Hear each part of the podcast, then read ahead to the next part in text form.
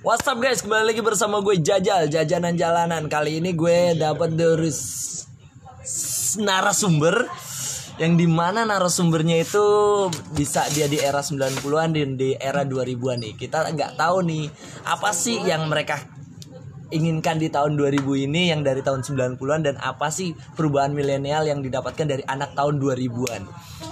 Di sini gua bersama Bang Ejar dan sama Nacil atau Nadia dan ada beberapa teman-teman gue yang lainnya tapi gue bakal nanya satu-satu sama mereka. Gue nanya pertama nih sama yang ah, tahun 90-an ke tahun 2000 dulu nih. Oke, ada yang sudah merasa tahun 2000-an.